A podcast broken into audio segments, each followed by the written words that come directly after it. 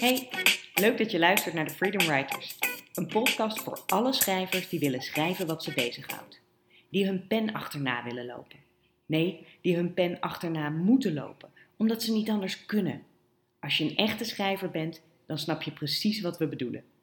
De Freedom Writers. Dat zijn Roos Slikker, Lou Niestad en ik, Roanne van Voorst. Drie schrijvers die soms leven van, maar altijd leven voor het schrijven.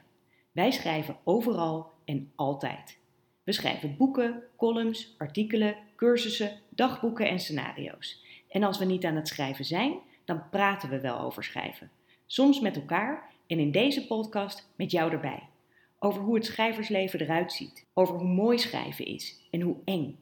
De inspiratie die je kan overvallen als schrijver. De financiële zorg die je ook kunt voelen. Maar vooral over die heerlijke vrijheid van het schrijvende bestaan. Welkom bij de Freedom Writers. Het is eh, lang geleden. Het is lang geleden. Ja. Maar we zijn wel weer bij elkaar. We zitten wel fysiek bij elkaar voor het, voor het eerst eerst. weer fysiek bij elkaar. Dus Ja. het duurde ook even voordat we deze hebben aangezet. Want we hebben eerst heerlijk... Kijk, er staat gewoon Zoom op jouw Opnameapparaat. podcastding of op je opnameding. Ja, ja, dat is. Ik kan echt geen zoom meer zien, jongen. Kan ook het niet. gewoon. ik ben goed. ook uitgezoomd. We zijn uitgezoomd, maar nu ingezoomd. ja. We zijn er weer. En het opnemen vond ik ook minder leuk, omdat ik ergens ook steeds dacht: ook weet niet of de geluidskwaliteit wel Ja. goed is. En je blijft toch een beetje door elkaar praten. Ja. Dit is veel gezelliger. En we kunnen erbij lunchen en zo. Ja, Dat hebben we dus al heerlijk gedaan. Wij zijn al bijgepraat. Ja, Ja. ja. Waar gaan we het over hebben, jongens? Nou, ik dacht dat we misschien maar eens. eh, ik kreeg een hele leuke vraag via mijn Instagram DM na de vorige uitzending. En dat was iemand en die vroeg. Wat zou er. En dat was iemand die af en toe wel eens recensies schrijft over boeken. En zij vroeg zich af: wat zou er nou een, in een goede recensie moeten staan? Waar ben je nou als schrijver blij mee? Vijf sterren. Ja. Nee, maar ook leuk dat zij dat vraagt Ja, recensie leuk. schrijft. Ja, dat is heel leuk. fijn ook. Ik vond het een hele interessante. Want, dus ik dacht, misschien moeten we het eens hebben over positieve en negatieve commentaren. Want die Ja. kunnen natuurlijk alle twee in recensies staan. En dan niet alleen recensies die geschreven zijn door prof, zoals deze mevrouw. Maar ook recensies die geschreven worden, bij wijze van spreken, door gewoon lezers die je aanschrijven. Want Ja. ik merk dat het soms nog best wel een dingetje is. Ik weet niet hoe dat voor jullie is. Ja, of voor eh, reviews bij op eh bol.com. Ja, op, precies. eh, dingen. Dat soort dingen. Ja, want Ja. daar zit natuurlijk soms ook wel eens een, een angeltje tussen. ja Zeker. Ja. Ja. En ik merkte, ik moest eraan terugdenken aan die opmerking, omdat ik ehm, een paar weken heb gewerkt aan een artikel en dat is uiteindelijk afgewezen. Mhm. En dat kan gebeuren en dat voelde ook wel logisch of zo. Ik begreep waarom het niet helemaal daar paste. In ieder geval de eerste versie, dat was qua schrijfstijl gewoon niet passend uiteindelijk. En toch moet je dan daar heel erg van bijkomen. En dat viel me op Mhm. aan mezelf. Dat ik dacht, oh, daar ben ik dan nog wel heel kwetsbaar voor. Terwijl ik zou denken dat ik inmiddels toch best wel een ervaren schrijver ben. En dat ik dan denk, nou, dat bied ik ergens anders aan. Maar ik werd zo zenuwachtig tijdens het schrijven van een nieuwe versie. dat, het wel, dat ik merkte hoeveel impact het had gehad. Dus Ja. dat was dan een negatieve recensie, zou je kunnen zeggen. Ja. Ja. En hop, ging mijn schrijvershart een beetje Ja. wenend in een hoekje zitten. Ja. Straks Maar- toch wel heel mooi. ja, precies. En ook wel heel herkenbaar. Ik denk dat het. eh, ik denk heel veel mensen. Ik vind, hebben natuurlijk al moeite met kritiek. Maar ik denk dat als je iets creatiefs maakt. Het voelt toch ook al is het misschien niet een persoonlijk verhaal over jezelf. Maar dat je, wat je maakt is altijd persoonlijk. Ja. Want jij. Weet je, als je schrijft, dan kun je tijdens het schrijven kun je honderd weggetjes kiezen. Maar jij kiest een weggetje. En als dat weggetje dus afgewezen wordt, Ja. dan voelt het toch, is het heel moeilijk om het niet te zien als dat jij als mens afgewezen wordt. Ik vind het heel lastig. En, en, en, en het ligt er een beetje aan. Hè? Kijk, je hebt soms ook gewoon boze trollen op internet of zo. En dan denk ik, nou ja, goh, je bent gewoon niet helemaal, eh, je bent niet helemaal je over in je bovenkamer. Of ik kijk eens wat voor meer dingen ze tweeten. En dan zie je dat het een soort aandachtshengeltje is, weet je wel. Nou ja, da- daar had ik, heb ik ook een tijd lang echt heel veel moeite mee gehad. Maar dat, dat ben ik wel eens een beetje kwijt. Ik denk, nou gewoon, ik ben niet helemaal lekker. En ik hoef ook niet iedereen, niet iedereen hoeft mij leuk te vinden. Want ik vind ook niet iedereen leuk. Dus dat is op zich wel oké. Maar inhoudelijk, ja, ik, ik heb ook wel eens een recensie gekregen waar ik, waar ik ja, die ik gewoon ehm, ook inhoudelijk niet sterk vond. Dus, dus, dus die mevrouw gaf nog best een heel aardig eh, aantal sterren. Maar haar kritiekpunten klopten niet, laat ik het zo zeggen. Dat klopte niet. En dat is vervelend, want je kan namelijk niks terugzeggen. Je Nee. kunt ook niet zeggen in de openbaarheid, dat klopte niet. Terwijl ik het nu zeg, voel ik al een soort van... Oh god, iedereen denkt nu natuurlijk, zij vindt dat het niet klopt. Want ze kan Ze niet tegen de kritiek. Ja, ja. ze is het gaan het verdedigen. Terwijl ehm, als iets wel heel, heel, heel, heel, heel scherp wordt gezien... dan kan ik ook wel denken van, oh ja, daar zit ook eigenlijk wel Ja. wat in. Dat is ook, dat, dat, misschien had ik, goh, dat andere weggetje... Ik heb gewoon niet aan dat weggetje gedacht. Goeie zeg, daar heb ik er niet zo moeite mee. Ja, nou, wat ik, wat ik nu zit te denken is dat wat er bij mij, bijvoorbeeld als je kijkt naar dit artikel, dan wordt het een eerste keer afgewezen en dan kan je een, een tweede versie kon ik schrijven. En ik denk waar het misging is dat ik me niet meer veilig voelde in de zin van, oh god, ze vinden het al niet goed, ze vinden Ja. mijn schrijfstijl al niet fijn, dus dan lukt het niet. Hè, om om Ja. ontspannen te gaan schrijven, dat haalt de joy er gewoon een beetje uit. En ik kan me voorstellen voor mij een perfecte recensie. Als ik daarover nadenk, dan is het niet grappig genoeg. Hoeft het niet, dan is het heel leuk als vijf sterren en zeggen: Nou, dit is fantastisch. Maar dat hoeft niet eens. Maar ik moet wel een soort ondertoon hebben waarin ik voel van ja, deze recensent vindt mijn schrijfstijl of mijn boek wel in de basis heel goed. Maar heeft misschien nog een opbouwend kritiekje Ja. waarvan ik denk: verdomd, daar heb je gelijk in. Of zo. Ja, ik denk dat het gevo- gevoel, Dat gevoel. heel- als je het gevoel hebt dat jij in de poging die jij hebt ge- gewaagd niet begrepen wordt, zeg maar. Dus als je het gevoel hebt dat mensen niet proberen te bekijken wat je hebt geprobeerd, Ja. kan het mislukken, Mhm. hè? Heb ik met theatervoorstellingen ook wel eens gehad. Weet je wel, dat je dan op iets afgerekend wordt. Bijvoorbeeld een acteur die niet goed functioneert. Maar dan kun je, dat, kun je dat, dat kan. Maar dan kun je dan nog steeds wel bedenken van... Oh ja, maar ze hebben met dit scenario geprobeerd om iets heel, weet ik veel... eh, iets, iets, iets, iets, eh, postmoderns of zo geprobeerd. ja.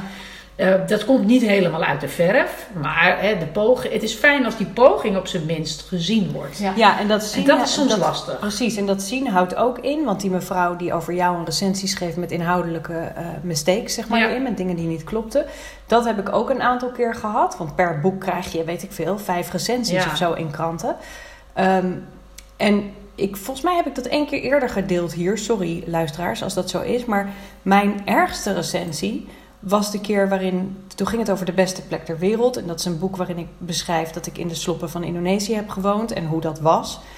En die man schreef op een hele prominente plek dat dit zo'n mooi verhaal was dat het niet waar kon zijn. Ja. En het was een non-fictieboek.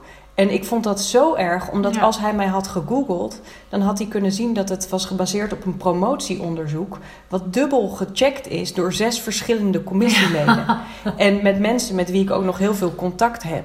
Ja. Het is ook een boek wat inmiddels uit is in Indonesië, wat daar heel populair is. Dus dat laat zien van het klopt, ik ben daar thuis en mensen kennen me ook. En ik vond dat zo erg, omdat ik dacht, ja, maar dit is.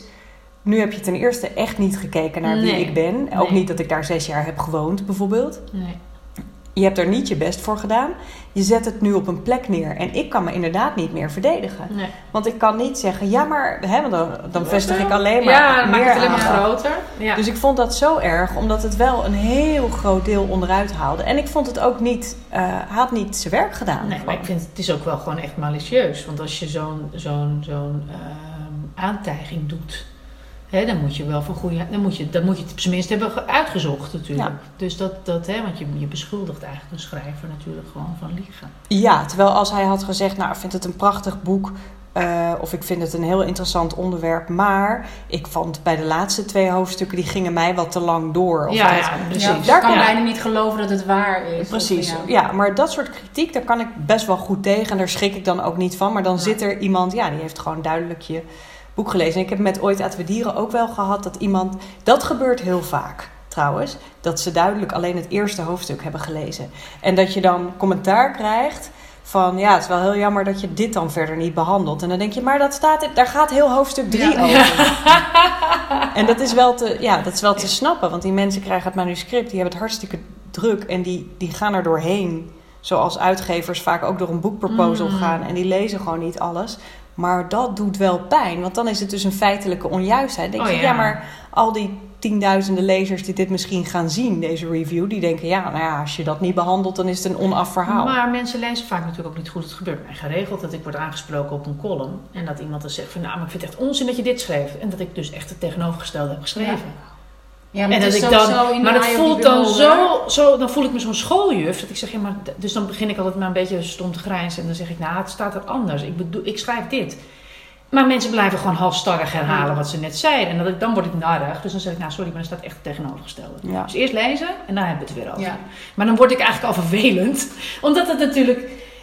Wij zitten allerlei woorden te wikken en te wegen. En dat, daar gaat, dat, ik, ik doe dat altijd met veel zorgvuldigheid. Ik schrijf nooit zomaar iets op. Als iemand dan vervolgens je beschuldigt dat je er tegenovergesteld hebt opgeschreven, dat is dus aan alle kanten, zeg maar, het is, het is, het is stomme kritiek, maar het is ook echt totaal niet wat je hebt willen zeggen. Nee. Dus het voelt dan heel onbegrepen. Ik denk dat onbegrip, Ja. dat dat heel erg meespeelt voor mezelf, of Ja. ik er last van heb of niet. Nou ja, en ik zit nu. Mijn Amerikaanse uitgever die, die gaf me ooit een, eh, een tip, wat dan in Amerika heel normaal is en wat volgens mij in Nederland ook wel gebeurt. En dat was nou ja, zodra je boek dan uit is, dan moet je op Amazon, dan moet je eigenlijk al je vrienden en familieleden zover krijgen om Oh. daar dan een review onder te zetten. Want als je er dan 100 reviews of zo onder hebt en die zijn allemaal vijf sterren, dan gaat dat boek wordt door Amazon Ja. automatisch veel meer in de highlights gezet. Ja. En dat laat wel zien dat dus blijkbaar vijf sterren reviews niet zo interessant zijn voor Nee. mij. Want daar voelde ik eigenlijk helemaal niks voor. Ik vond Nee. het ook heel gênant om dat aan mensen te gaan vragen. Ja. Ehm, voelde ook helemaal niet oké. En ik vond het niet zo boeiend. Nee. Dus ik, ik hou me sowieso... Doen jullie dat? Op, op Nou, ik vind het wel kijken? Ik kijk je? niet. Doen jullie, doen Nee. jullie dat op de bol.com recensies kijken? Ik heb er, ik al op gekeken, ja. En? Zijn die een beetje goed? Er zitten hele, hele coole tussen. En er zitten ook één of twee tussen waarvan je denkt... Ja. En dat zijn precies die twee die je eruit pikt. En die Ja, onthoudt. en die ja. onthoudt. Ja. Ja. dus het is, en ik weet van eh Eckhart Tolle dat zelfs hij niet op de reviews kijkt, want Nee. zelfs hij kan er niet mee omgaan.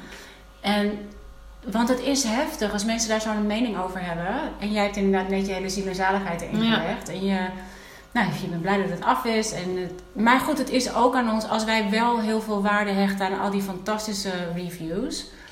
En we vinden die, die negatieve reviews moeilijk. Het is in beide gevallen leggen we het buiten onszelf. Ja. Ja. Ja, als we de positieve feedback nodig hebben om tevreden te zijn over wat we hebben gecreëerd en niet tegen de negatieve kunnen, dan eh, leggen we het in beide gevallen buiten onszelf. Maar ik vind het ook moeilijk om de positieve. Ja, want daar hadden wij het net over en dat is ja, ik, misschien ik wel vertelde net nog voordat we begonnen. Ik, ik heb, een, ik heb een, eh, een, onder mijn eh, column in het Parool staat een e-mailadres. En dan kunnen mensen me mailen. Dat is dus een inbox. Die komen niet direct in mijn mail de hele dag. Maar dan moet ik zelf even voor, voor naar een webpagina en dan inloggen. En dat doe ik echt elke week natuurlijk wel een keer. Ehm, en elke week staan er ontzettend lieve, meestal eh, 99 van 100 keer ongelooflijk lieve berichtjes van mensen. En ik kan dat bijna niet tot me nemen. Nee. Dat is heel stom. Terwijl je dan denkt, jeetje, ik heb wat, wat een geluk dat ik een baantje heb waarbij mensen zo geneigd zijn om steeds in hun handen voor je te willen klappen, zou ik maar zeggen. Maar ehm, ik, ik neem er dus al maanden voor, want ik, ik, wil eigenlijk altijd iedereen die me mailt even an- beantwoorden. Helemaal, ik ik kan helemaal niet lang natuurlijk, want dat is heel veel. Maar toch even netjes. En als ik heel eerlijk ben, ik loop echt al heel lang achter. En waarom loop ik achter? Niet omdat ik het rot vind om die mensen te beantwoorden, want het is natuurlijk hartstikke leuk om iemand die iets leuks tegen jou zegt even een berichtje terug te sturen. Maar eigenlijk omdat ik het gewoon, de complimenten ook niet helemaal Nee. toe kan laten. En het zo. is zo'n bekend fenomeen, überhaupt, is toch van succes. Ja, Dat we dat heel moeilijk vinden. Complimenten in ontvangst nemen. Maar en wij hadden het hiervoor erover. Omdat het ging over... We, hebben, we stellen doelen over hoe fijn het zou zijn als we zoveel exemplaren verkopen. Of als het dingen heel goed gaan.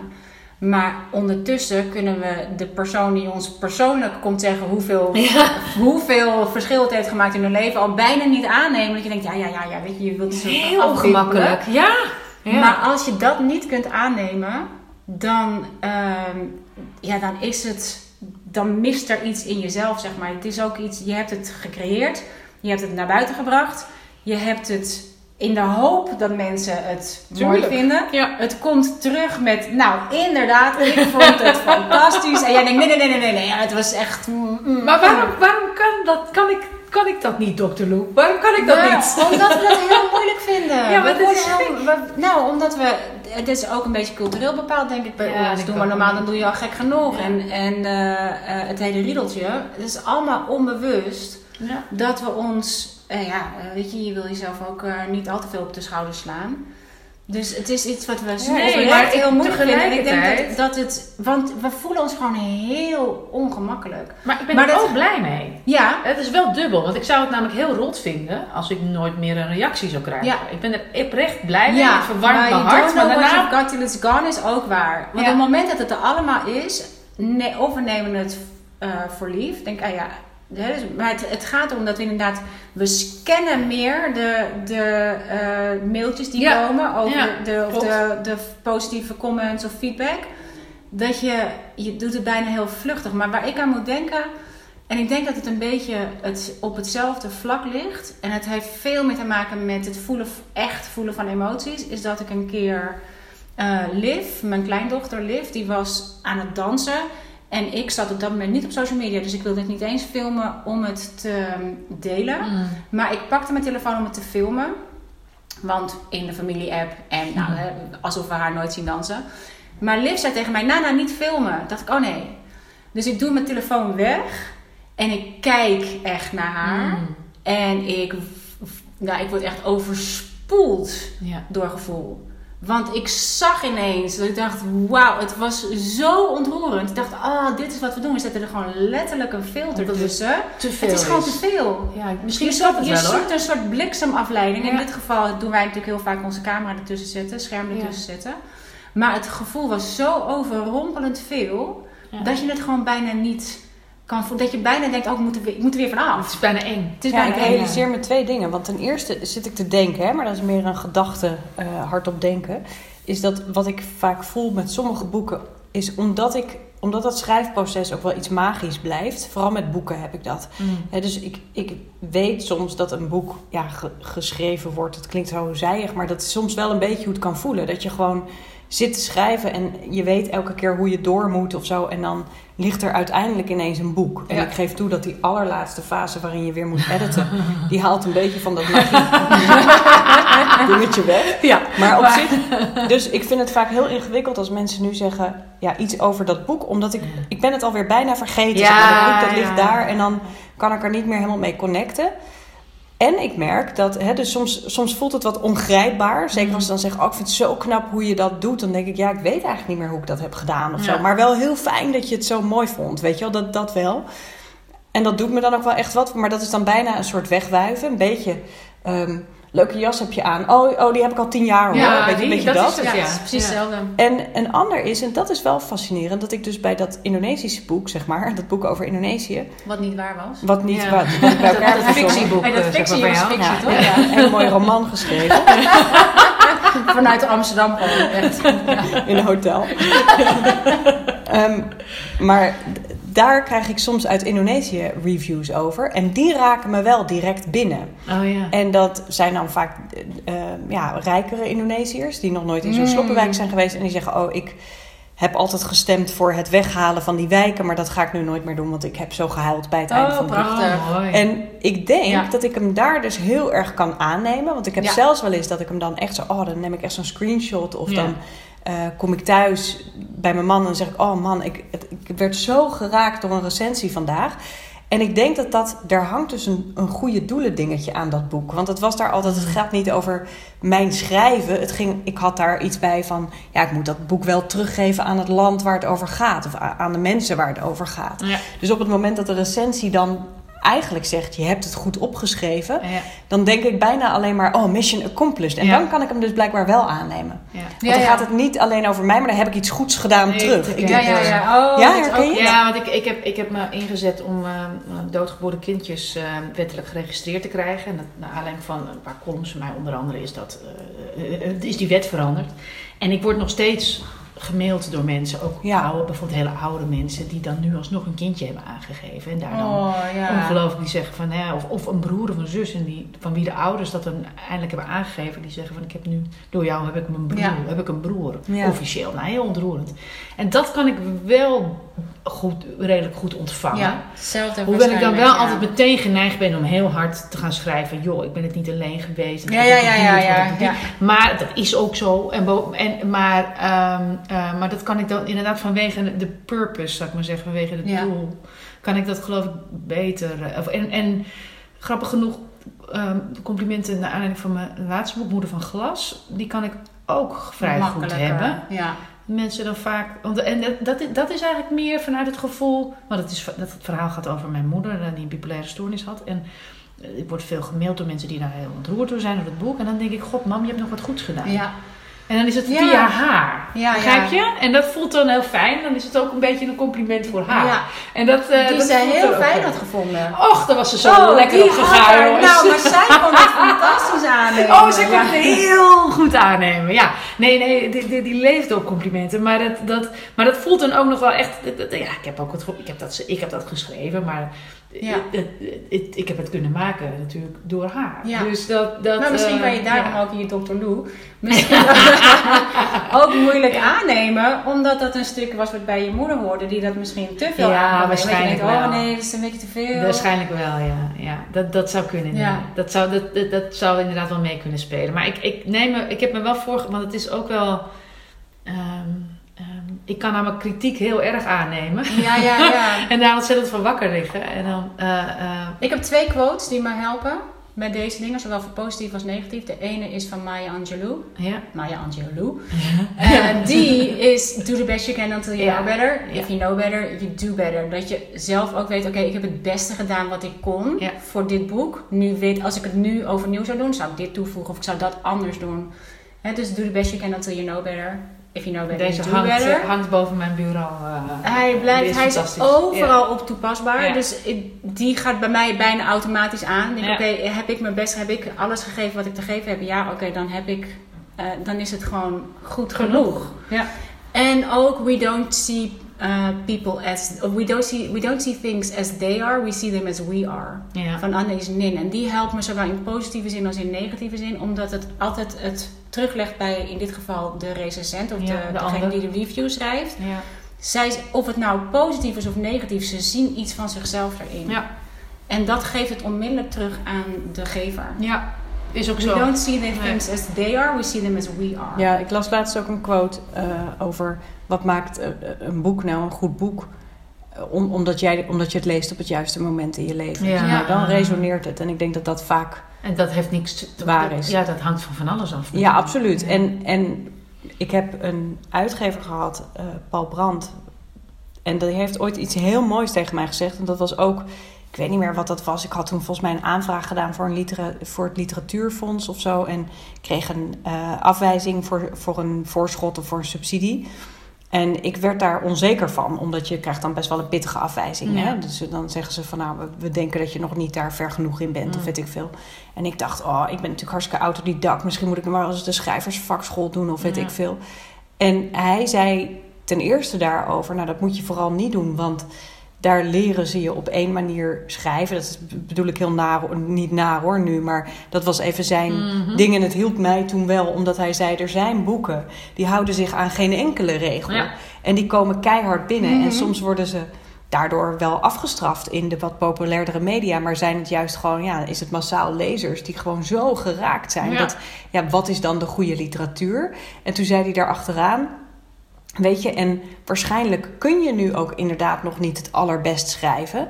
Ehm, ik hoop het niet. Ik hoop dat je het allerbeste werk gaat afleveren als je in de tachtig bent. Ja. En dat elk werk wat je nu schrijft een, een verbetering is van het vorige. En dat vond ik zo'n mooie manier van er naar kijken. Ja. En dat, die past heel erg bij die van Maya Angelou. Van ja, ik, ik schrijf nu gewoon waar ik nu ben. En met de thema's die me blijkbaar nu vasthouden bijna.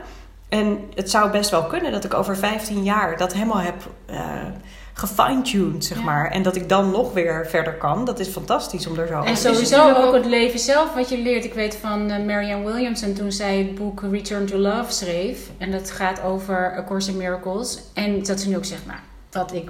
Zij moet eigenlijk lachen om dat boek. En het is echt een mega succes.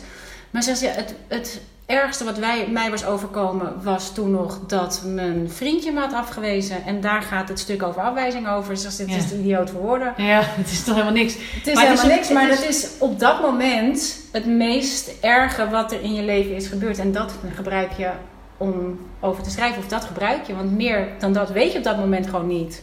Maar het is toch ook ontzettend gemeen als je van je, tegen jezelf zegt dat je alleen maar geslaagd bent als je iets geniaals hebt afgeleverd. Nou, schat, dan, maar dan gaat toch nooit meer iemand wat überhaupt wat schrijven. nee, dat kan je natuurlijk niks. Dat En ik denk überhaupt het enige boek wat echt je leven verandert is het boek wat je zelf schrijft. Ja.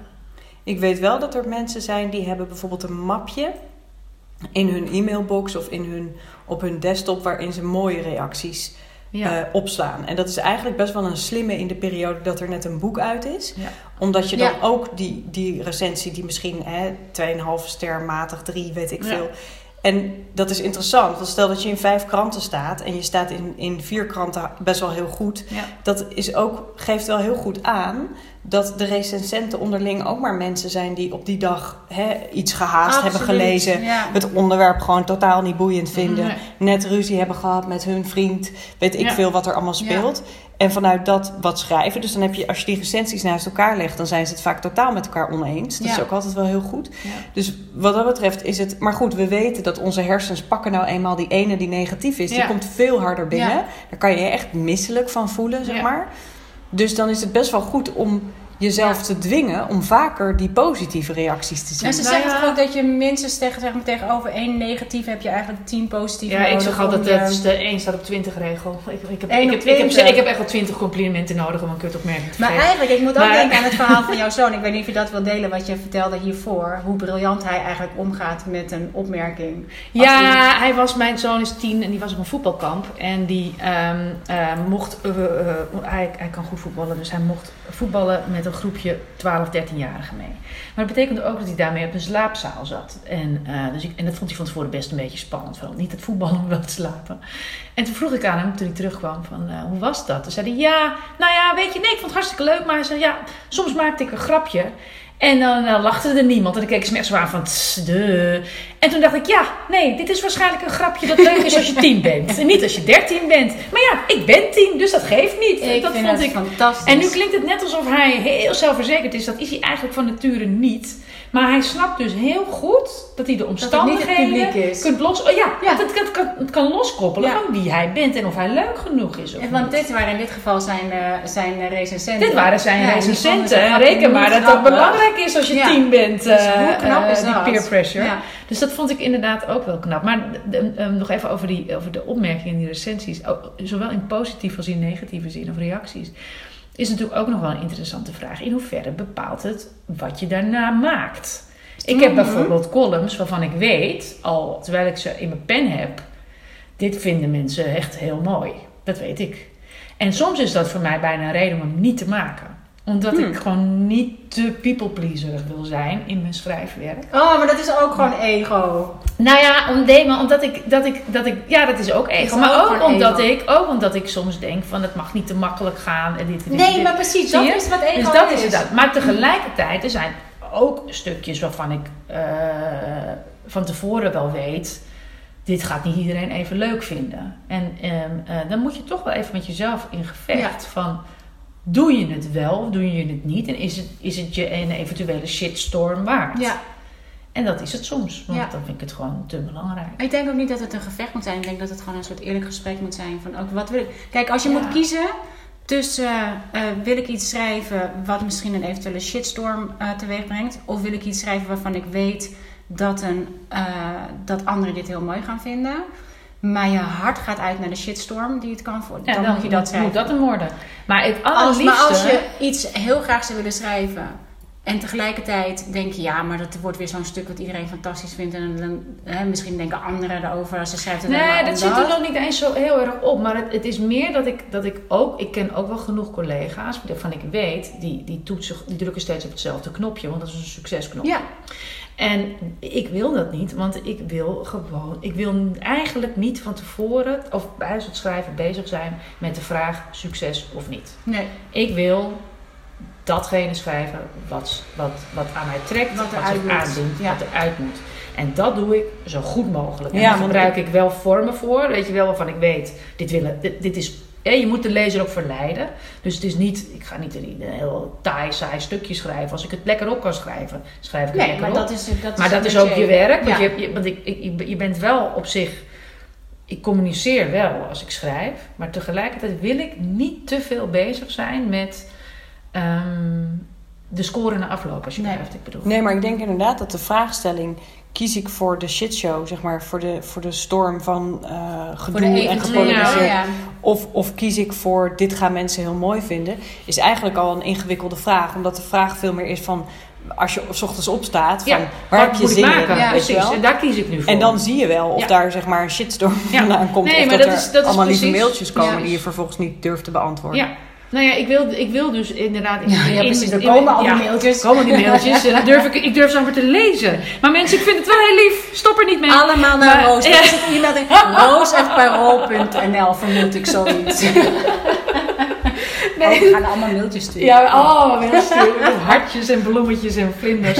Maar, eh, nee, maar, het is, maar ik, ik, ik, ik, nou, laat ik het zo zeggen, ik ben er wel een beetje streng in voor mezelf. Maar ik denk ook niet dat dat slecht is, omdat ik, ik wil als schrijver daar zoveel mogelijk los van staan. Ik wil Ja. als schrijver gewoon zoveel mogelijk. Ik denk dat het beste manier is als het gaat om als dat, je, dat je als schrijver of als, als eh, creative in het algemeen inderdaad doet wat er het meest aan je trekt, wat er gecreëerd wil worden.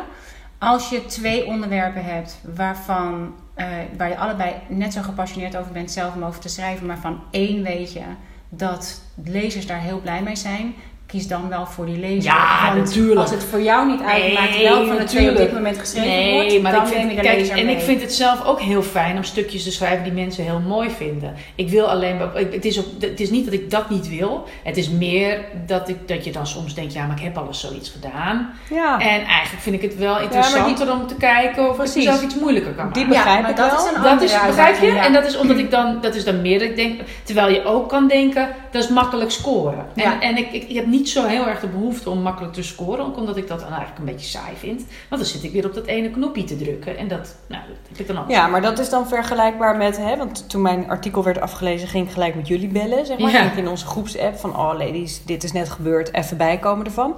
En ook wel denken jullie mee van waar, waar zou het beter passen of waar zou zo'n serie beter passen. En dan merk je dat, dan zou het makkelijk zijn om te gaan werken met platforms waar ik al heel vaak mee heb gewerkt. Mhm. En dan merk ik ook wel dat ik de uitdaging Ja. voel van nee, want ik vind het nu ook wel echt leuk om te kijken. Goed, misschien daar niet, maar misschien dan wel in zoiets. Ja. Weet je wel? En daar zit een soort eigen challenge. En dat Ja. is denk ik wel Ja. ook de kunstenaar die het leuk vindt. Of Ja. de kunstenaar, dat klinkt nou weer zo hoog, maar je snapt wat Ja, ik nee, maar bedoel. dat is precies wat we doen. Oh, mijn kunstenaar klinkt zo weer zo. Nee, maar dat is, het is kunst. Ja, Het maakt niet uit, weet je. Het is gewoon, eh de boel, het hele leven is een kunst. Dus het jas, is ook heel oude jas hoor. Heel oude jas. Oh ja, nee, echt. Je zien hoe ze eruit ziet. This whole thing. Ja. This whole thing. Oh, really? Ja. Nee, maar dat- een- ik herken dat wel. Het, het is ook, Ja. je wil ook, en dat is, ik bedoel, ik vind dat ook een, van jou bijvoorbeeld ook een kwaliteit, zeg maar. Ik ken genoeg Ja. mensen die vrij gemakzuchtig eh, eh, op een bepaalde manier soort van gearriveerd zijn en daar dus de rest van hun carrière mee voort kunnen. En dat lijkt mij heel saai, dus dat is niet zo leuk. Maar, maar eh, je, je, het is wel op safe spelen. Ja, en wat er wel... Ja, maar je kan jezelf wel ook afvragen. Ik denk wel dat het per definitie allemaal eerst een inside job is. Om, om te kijken of daar ook een overtuiging zit op het feit dat je denkt: je moet hard werken voor je geld. Het moet, hè, en zeker als het Ja. gaat om kunst. Ja. Het kan nooit makkelijk zijn. Als het heel makkelijk gaat, is het niet goed. En dat is ook niet per definitie waar. Nee. Dus het is ook, Dat is waar. weet je, want mag je niet eh, een keer kiezen voor dat je denkt: ah, zo lekker, kan ik gewoon even heel makkelijk zo'n column schrijven. Ja. En dan ga ik daarna lekker met de kinderen naar het strand. Of ik ga wat anders doen. Of ze zitten opeens allemaal thuis in de coronatijd. Of ze zijn opeens allemaal thuis in de vakantie. Ja. En ik heb hier een column, kan ik zo schrijven? Ja, maar dat- nee, maar dat maar is te makkelijk. Nee, maar dat heb ik vaak genoeg. Ik heb vaak genoeg columns die zich als vanzelf schrijven. Toe Heel ben ik vaak sowieso... zijn ze ook heel goed als ze vanzelf komen. Is ook zo. En ik ben sowieso niet zo'n worstelende schrijver. Dus als ik eenmaal aan het werk ben, dan... dan en het komt echt van binnenuit. Zonder dat Ja. ik bezig ben met... met Überhaupt met iets. met wie dan met ook. Een shitstorm of een dan eh, schrijf ik, dan, dat is de ironie, dan schrijf ik ze het makkelijk. Ja.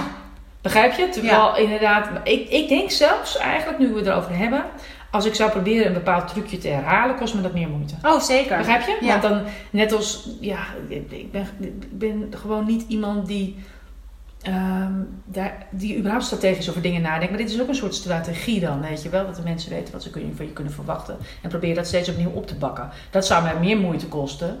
Want ik heb Ja. heel vaak dat ik een stukje schrijf en, en de volgende dag echt god niet meer weet hoe het er gekomen is. En opeens was het er. Ja, En dat zijn doorgaans de beste. ja Dus dat is de, precies. En, en- die zijn toch vrij effortless. ja, maar ik kom daar pas op. Ik kom daar pas als ik niet ga zitten nadenken ehm, hoe het valt. Ja, maar ik denk dat dat is het grote verschil. en Dat herken, herken jij misschien ook wel, Ro. Het grote verschil tussen eh, mijn schrijverschap en mijn entrepreneurschap. Ja. In business word je altijd, elke businessstratege heeft het over, je moet eh, schrijven, creëren voor de afnemer, voor de client, voor Ja. de ideal customer. Je moet eh, naar het pijnpunt van de ideal customer en jij gaat daar een soort kunstwerk van maken. En jij zegt, ik, ik heb de oplossing voor jou. Maar voor creatievelingen is dat een bijna onop- onmogelijke opgave. Want je creëert eigenlijk altijd om je eigen shit op te lossen. Ja. En dat is wat je doet. En ik denk, oh, dit is wat ik voor mezelf heb gedaan. Om mezelf te snappen. Maar omdat het universele shit is over het algemeen. Heeft een ander er vaak wat aan. Maar dit is waar heel veel creatievelingen in business struggelen. Ja. Omdat dit is het advies wat we krijgen van alle business ehm, mentoren. Ga iets creëren voor.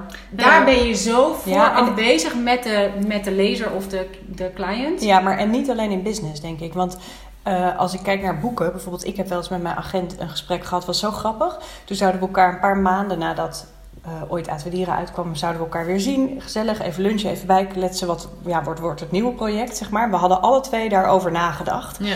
En ik was helemaal aan het popelen, want ik had toen al lang ook met jullie gedeeld van, er heeft zich weer een nieuw onderwerp Ja, aangediend. ja, ja. I know it. Ja. En zij zei, nou, ik heb er goed over nagedacht. Ja, nou, dit boek loopt hartstikke goed. En ik krijg veel aanvragen van mensen die willen eh, er meer over weten. Dus kun je er niet een soort van handboek eh, achteraan schrijven. Ja.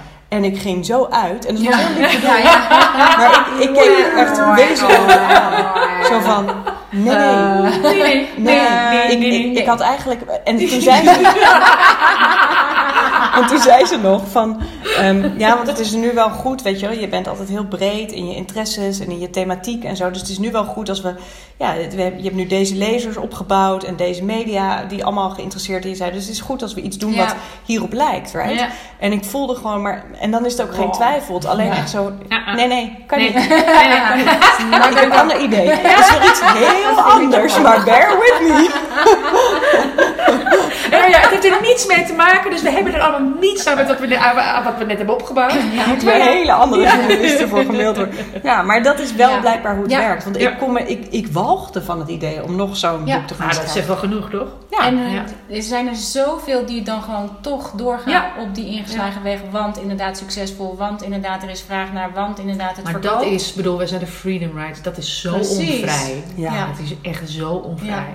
Ik vind, dat, ik zei dat net al voordat we gingen draaien, maar van het weekend vroeg een vriendin aan mij, wat is jouw ambitie over eh, een jaar of drie, vijf of zo? En zei ik, heb geen idee.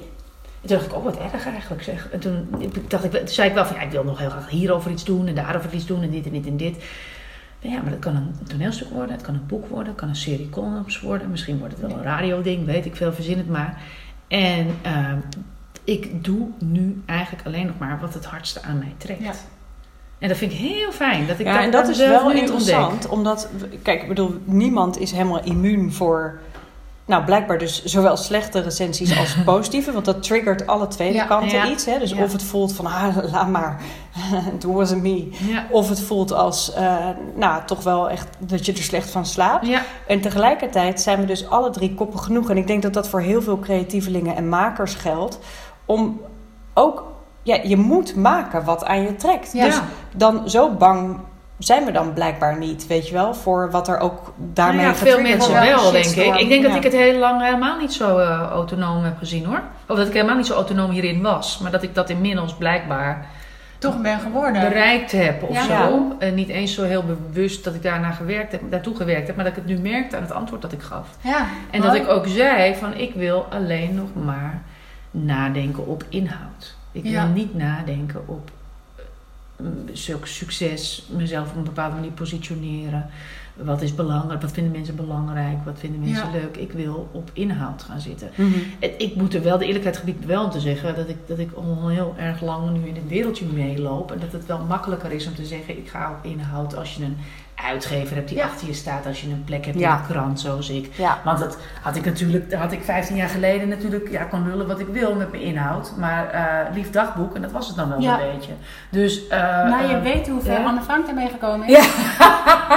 Als je gewoon van dagboek Kitty maakt, heb je Dan een ben je er bestseller. wel. Ja. Nee, maar het is dus ook maar, weet je, ik, ik, ik tenminste, ik ben blijkbaar nu op dit punt aangeland. En ik snap heel goed dat als je net begint of net een beetje aan het ontdekken bent van ik, ik, eh, of je bent, hebt net ergens een beetje succes mee, dan zou ik vooral zeggen van nou bouw het uit en, en, en doe er wat Ja, maar toch denk ik, als je terug gaat kijken naar, naar je carrière tot nu, zeg maar totdat je Mhm. dat nu echt zo kan voelen, denk ik dat je het onbewust toch ook voor een heel groot gedeelte hebt gedaan. Zeker, ja. Als je begint in de journalistiek en op een gegeven moment denkt, oh, maar eigenlijk heb ik geen zin meer in, eh, in die hele reportages maken Ja. en er naartoe en het naast, het nawerk ervan, ik heb er eigenlijk geen zin meer in. Ja. Dan, toen ben je er ook mee gestopt en toen diende het Nou ja, nou toen ben ik, ja, wel- maar dat- toen ben, toen, toen ben ik eerst columns, eerst wat persoonlijkere reportages gaan schrijven. Ik heb altijd de geleidelijke weg gekozen. ja. En toen ben ik inderdaad. Maar je hebt wel eh, gehoor gegeven aan dat gevoel van Zeker. ik wil dit eigenlijk niet meer doen. Klopt. Wat, en als je dan gaat kijken, oké, maar wat wil ik dan liever wel doen? Dus dan heb je een soort, nou, een- overstap gemaakt door persoonlijkere reportages te maken. En van die persoonlijke reportages naar persoonlijke columns gegaan. Ja. Maar als je terug gaat kijken, ben je, eh, heb je wel degelijk keuzes gemaakt. Jawel, dat, uiteindelijk wel. Maar ik heb ook heel vaak niet de keuzes, de Ja. keuzes gemaakt. Waarvan ik achteraf denk, ah, ja, dat had ik wel kunnen doen. Maar dat- daar, toen ontbrak het me aan het zelfvertrouwen. Precies. Weet je wel, dus toen was ik er the gewoon nog niet. until you know better. En dat is het, nee, precies. En het is, en het is wel prettig om nu aan mezelf, bij mezelf te merken dat dit heel erg oké voelt. En dat ik zeker weet dat ik, dat ik dat zelfvertrouwen wel nu heb. Zelfs al zou ik niet meer de positie hebben zoals ik hem nu heb. Misschien zegt mijn uitgever op een gegeven moment, blik Ja, klaarmetjes liggen. Dat kan. Ja, dat kan. Maar dan wil, gaat, dat zou nog steeds betekenen dat ik niet het, het handboek ga schrijven als ik daar geen zin in Nee, heb. precies. En bij mij betekent het dat ik blijkbaar inmiddels wel, en dat is ongetwijfeld ook wel anders geweest. Nou, dat weet ik dat dat anders is geweest. Ook al krijg ik een afwijzing van één redactie, dan heel duidelijk voel: oké, dan is hier gewoon geen match. Ja, Maar ook wel, en dat is ja, ook wel een soort overtuiging van, maar het is verder wel een goed stuk, dus dan ga ik kijken waar het beter past Ja. of zo. Nou, en dan Ja. helpt natuurlijk ook eh, dat je weet dat eh, Harry Potter eerst 28 Ja, keer is afgelezen. Weet je, je zeker. zo'n heel boek met al die afwijzingen. Walt Disney was geloof ik ook niet aangenomen op de Het en zo. helpt echt om dat soort autobiografieën te lezen of te Ja. weten hoe vaak het is gebeurd en hoe waanzinnig succesvol uiteindelijk iets is geworden. Dus er is altijd, je hebt er maar één nodig. Het is een hele leuke vindt. Engelse, ik weet echt niet of ik hem hier al gezegd heb, maar het is een hele leuke Engelstalige podcast. eh, How to Fail heet die. Oh, dat heb je verteld, En ja. eh, had ik dat hier Niet- verteld? ik- ik denk oh, niet aan jullie, ja. Maar goed, daarin worden eh, grote Engelse sterren in de categorie Adele en weet ik dan Ja. niet, geïnterviewd over al hun afwijzingen. Ja. En daar knap je van op, jongen. Ja, dat is fantastisch. Echt, dat is echt vet. Ja. Succesverhalen zijn eigenlijk natuurlijk best Ja. wel stom, mensen. Nou, ook Maar- omdat het, het is, ja, overnight succes bestaat natuurlijk gewoon niet. Nee, Het is altijd dus ik vind het heel naartoe. fijn om te horen dat iemand echt, echt nergens werd toegelaten. En toen uiteindelijk een heel klein obscuur theatertje, maar een heel klein eigen voorstellingje heeft gemaakt. En nu Ja. half Broadway eh, staat. eh, Absoluut. Je eh, hebt, je hebt ook nog een podcast die heet How I Built This. En dat gaat dan niet over creatieve processen, maar over het opzetten van bedrijven. En dan heb je inderdaad de, de grote bedrijven van nu, waarvan de creator vertelt hoe dat is begonnen. En het is zo grappig, want het is gewoon bijna altijd gekrabbel in de marge Ja. geweest. Totdat Ja. het op een gegeven moment... En hard werken gewoon. En Ja. ik weet nog, ik heb er eentje gehoord met de creator van Spanx. Dat is dan zo'n ondergoedmerk of zo, volgens mij. Ehm, en zij vertelde inderdaad dat ze dan gewoon haar eigen... Daar had ze één winkeltje waar het werd verkocht. En ging ze dan heet het vooraan zetten en op, ehm, op, op tafels leggen, weet je wel. Zodat het beter werd verkocht. En dan ging ze inderdaad haar vriendinnen instrueren om dat ding gewoon leeg te kopen. Zodat Ja. de winkel dat weer meer in ging kopen. Nou, ik ken heel veel schrijvers die hun eigen boeken vooraan Ja. hebben gelegd. En dat heb ik zelf ook wel eens gedaan. Natuurlijk. en ik heb wel eens jullie boeken voor aangelegd. Wij hebben daar uh, dokter ja, Lou ja, ja, voor. Zeker, zeker. Ik ben wel heel benieuwd, want we zitten op 42 minuten, dus we moeten hem gaan afronden. Ja, maar maar we hebben zo lang niet gesproken. dat mag wel. Ik ben wel, heel ik ben wel heel benieuwd wat luisteraars, als ze bijvoorbeeld iets hebben gepubliceerd qua mooie of slechte reviews, hoe zij daarmee omgaan. Ik ben daar wel heel benieuwd naar. Hoe- Of, of zij eh, reviews hebben gekregen Ja. hoe zij daarmee omgaan. Ja, Ja. Ja. zeker. En wat voor hun een truc is om wel goed te kunnen slapen of dat het ze helemaal niks doet. Ja. Weet je wel? Want wij zitten hier natuurlijk met Ja. ons drie kringertje. Wij hebben Nou onze ja, appgroep. Ik vind nog een, een andere een subdingetje, maar toch wel even leuk. Eh, want er zijn dus ook schrijvers die, terwijl ze aan het schrijven zijn, de hele tijd iemand mee laten lezen. Ja, Ik niet. Ik ook ik ook Ik niet. zit in mijn eentje op dat ei. En weet je, dat is, dat is aan de ene kant omdat ik helemaal geen zin heb om vaak om erover te praten als ik het nog aan het Nee. maken ben.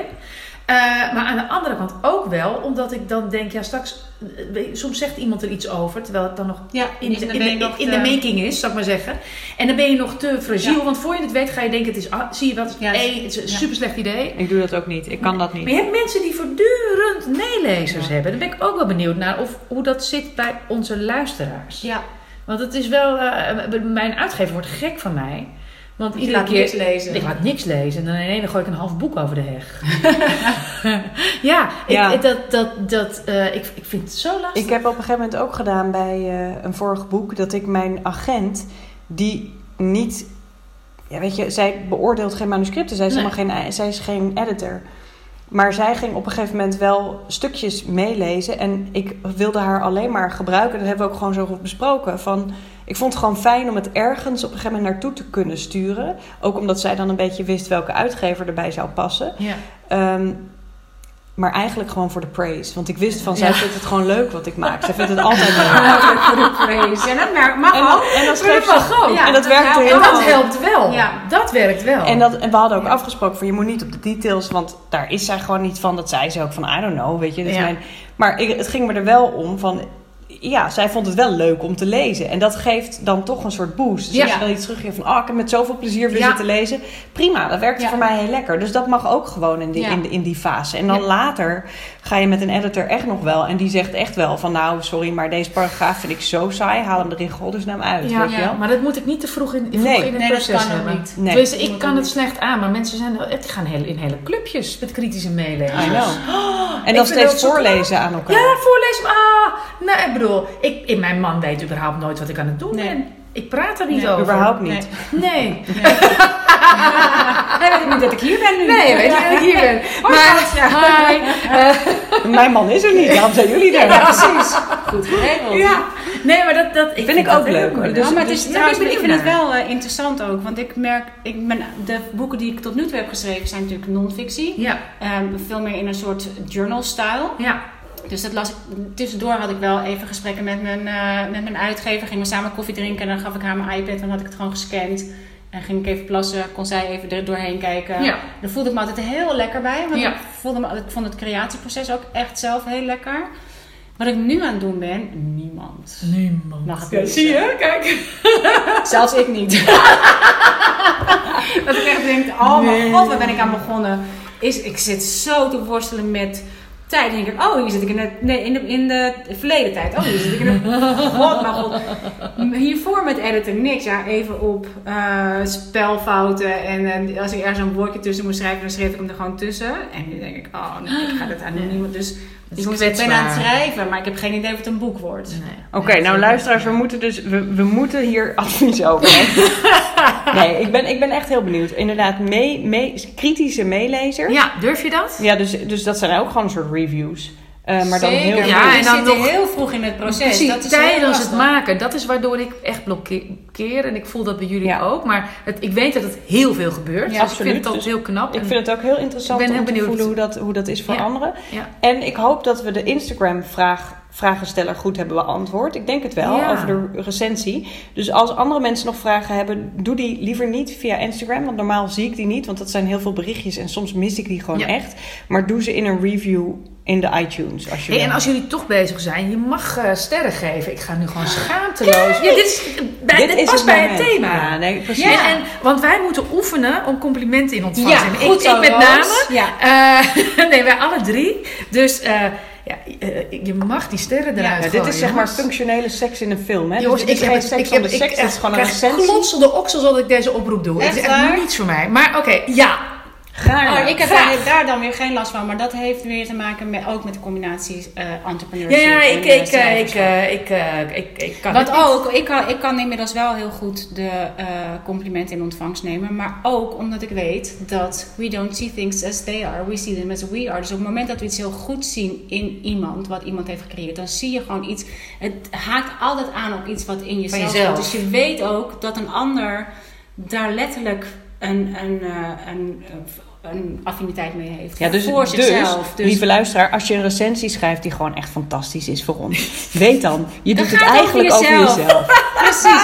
En wij, wat wij altijd doen, is wij screenshotten het en wij delen het. Tenminste, wij hier, dat gaan wij nu hier ook doen, maar dat doe ik Eh, in mijn business app. ja. Als er goede recensies Oh, ja. binnenkomen, die worden allemaal gevierd. Worden allemaal Oh, dat gaan we ook oh, doen. serieus? jongens, ik moet dit zo leren. Dus, Oh, dus nee, je geef wordt ons een echt les. We celebrated. need you. Ja. Ja. Volgende keer.